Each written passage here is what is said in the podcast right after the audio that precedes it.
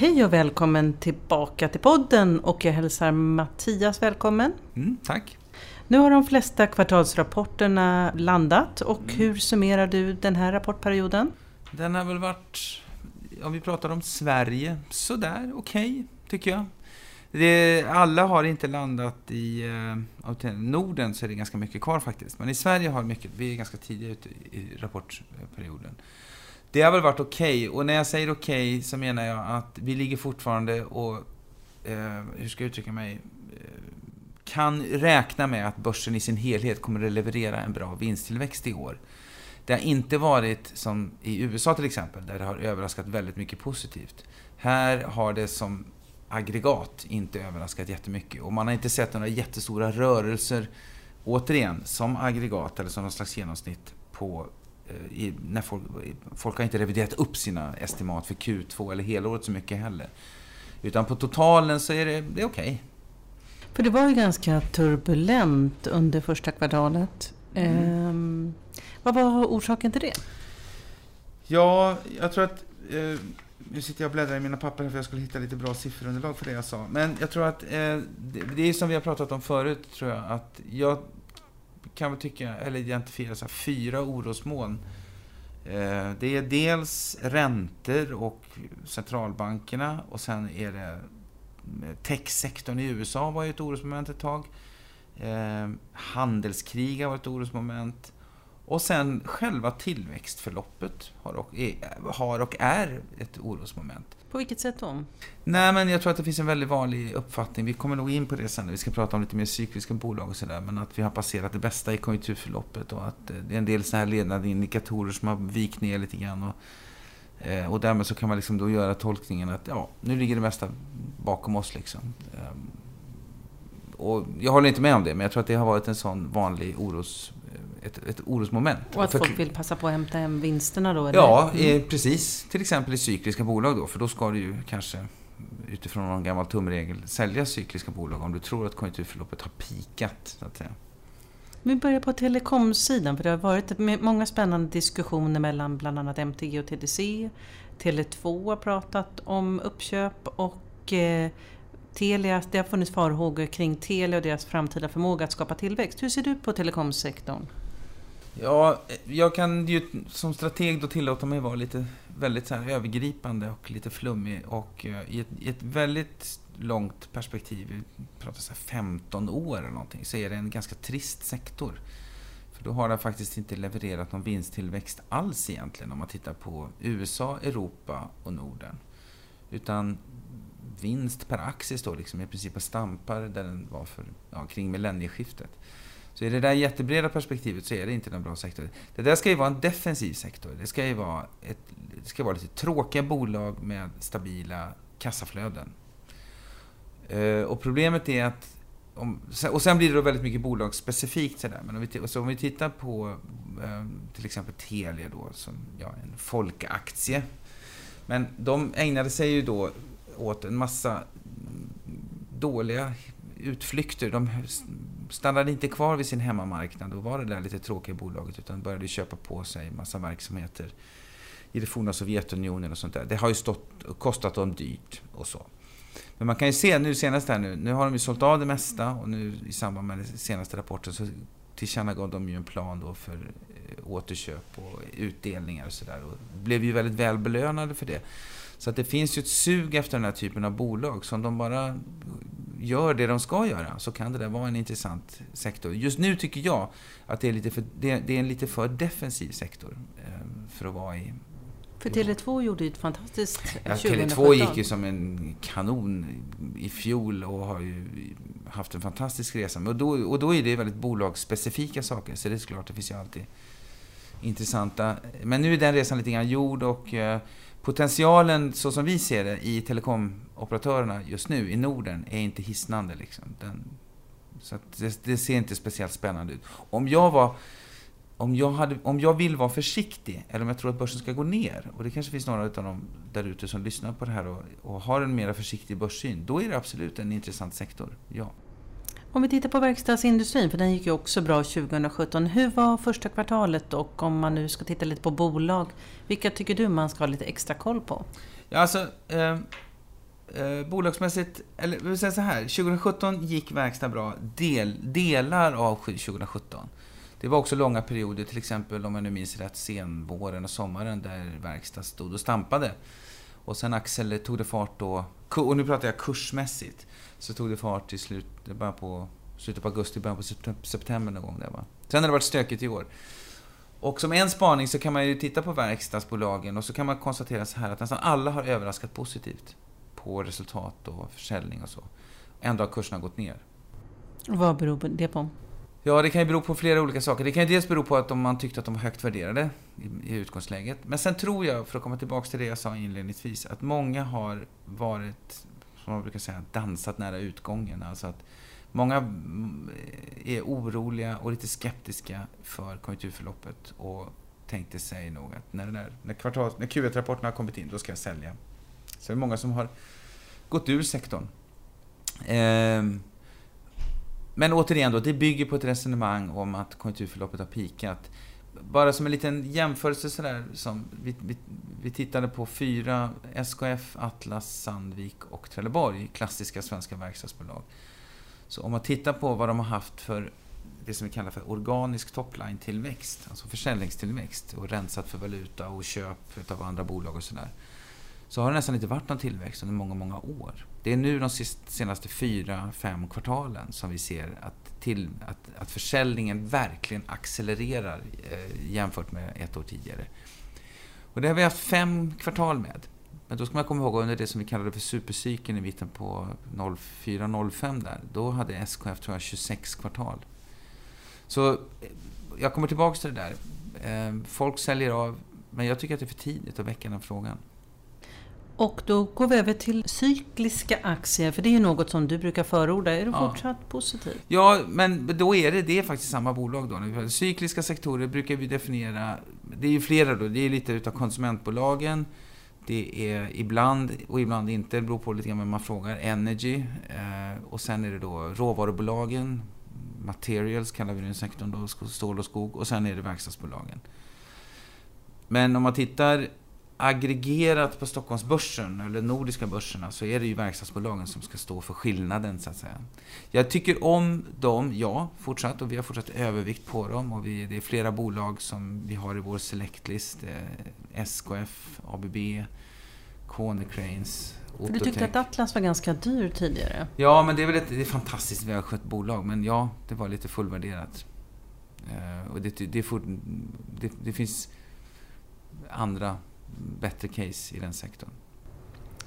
Så tänker vi lite på retail. H&M och liknande bolag har ju haft en eh, ganska tuff period. Mm. Är retail-döden nära förestående eller är det andra orsaker som påverkar resultatet än just e-handel? Men normalt sett så ska ju det här vara en tid när många av de där eh, cykliska konsumentbolagen borde gå bra. Eh, nu har vi tagit upp dem till övervikt då. Och då ska jag förklara varför vi har gjort det. Det är i Norden, om man tittar på eh, psyk, det som heter Consumer Discretionary i Norden, Norden så är det helt dominerat av H&M Market cap-mässigt. Och så länge vi hade sälj på H&M så är det inte så mycket att snacka om på den. Så då var vi underviktade i den sektorn. Men nu har vi tagit upp den sen ett tag tillbaks till Hold Eh, och då kan man ju titta på de andra bolagen i sektorn. Men det är en jobbig sektor. Man kan titta på, om man tittar på värderingen utav en nordiska såna här konsumentbolag, cykliska konsumentbolag, så har de alltså tagits ner otroligt mycket. Eh, så det, relativt börsen i sin helhet så är den här sektorn eh, billigare än den har varit på många, många år. Så det är helt uppenbart att trots att det har varit en väldigt bra konjunktur så har man eh, tagit ner värderingen av den här sektorn. Och varför gör man det? Eh, det beror nog inte så mycket på konjunkturförloppet, utan det beror nog väldigt mycket på den här strukturella eh, hotet och omvandlingen via onlineförsäljning då. Och det är nog den största grejen. Det, det, det är nog det stora hotet. Sen kan det ju finnas eh, lite bolagsspecifika saker. Vi hade till exempel en taskig rapport från XXL, som är det norska bolaget som vi har i vår selectlist. Det var inte någon höjdare, den gick ner tror jag 14 den dagen. Eh, Pandora är ju ett annat sånt där bolag som har haft det jobbigt. Å andra sidan finns det intressanta, som, jag menar, vi gillar Boost och de här grejerna. Så det, det är en stökig sektor att vara i. Den, men den har blivit betydligt billigare. Så den som vill investera just i retail bör egentligen titta på specifika bolag ja, mer än ja, det blir väldigt, Ja, det blir väldigt mycket stockpicking. För att där är det verkligen frågan om vilka bolag, antingen som är så billiga att det redan ligger i priset, eller som kan hantera den här eh, nya miljön då. Så det är väldigt bolagsspecifikt, ja. Om vi blickar ut i världen. USA har ju haft en fantastiskt eh, första kvartal här. Ja, rekord verkligen. på rekord. Eh, bland annat Facebook, Amazon och Google har ju rapporterat bra. Finns det mer att ge? Eh, kursmässigt finns det definitivt mer att ge för USA för att eh, kursen har ju gått ner. Så att när du säger att det varit ett fantastiskt kvartal, det har det ju varit. Fantastiskt kvartal i den meningen att nu är vi en bra bit in i nu kommer jag inte ihåg hur många procent av S&P 500-bolagen som har rapporterat, men det är en stor chunk utav de där som har rapporterat. Och om man tittar nu på vad ligger vi på för takt Q1 mot Q1 i fjol. Innan skattereformen så tror jag folk räknade med att man skulle ligga på någon tillväxttakt runt 9,5% eller någonting i den stilen. Just nu så är bedömningen och då tar vi dels en blandning utav de bolag som har rapporterat och så lägger vi in den förväntade tillväxttakten i de bolag som inte har rapporterat. Jag tror vi är uppe på 23% year on year. Så det är en enorm vinsttillväxt i USA. Och den är högre än väntat. Och det har överraskat positivt. Och estimaten har höjts. Men kursen har gått ner. På S&P 500. Så year to date så är vi på minus. Så det har ju blivit betydligt billigare. Eh, vi har värderat ner USA-börsen så det har inte varit något fantastiskt kursår. Men om man tittar på andra marknader? Nej, förlåt mig. Så, så bara för att svara på din fråga. När du frågar så här, finns det mer att ge? Absolut. Kursmässigt finns det mer att ge. Ska vi växa snabbare än 23% Nej, det vet inte fåglarna om vi gör. Det tror jag inte gör. Utan jag tror att vi slutar helåret på en vinsttillväxt på 19-20% i år i USA. Och då är ju hälften av det skattereformen. Men kursmässigt finns det absolut mer att ge. För det har inte, vi har inte fått någonting kursmässigt i år ännu. Så de investerare som är intresserade av just USA-marknaden, där finns det mer att hämta? Ja, kursmässigt absolut. Ja, ja, absolut. Och vi är ju överviktade i USA som regionalt så att säga, i vår allokering. Kina och emerging markets har ju varit populärt tidigare. Vad är din tro om de här marknaderna?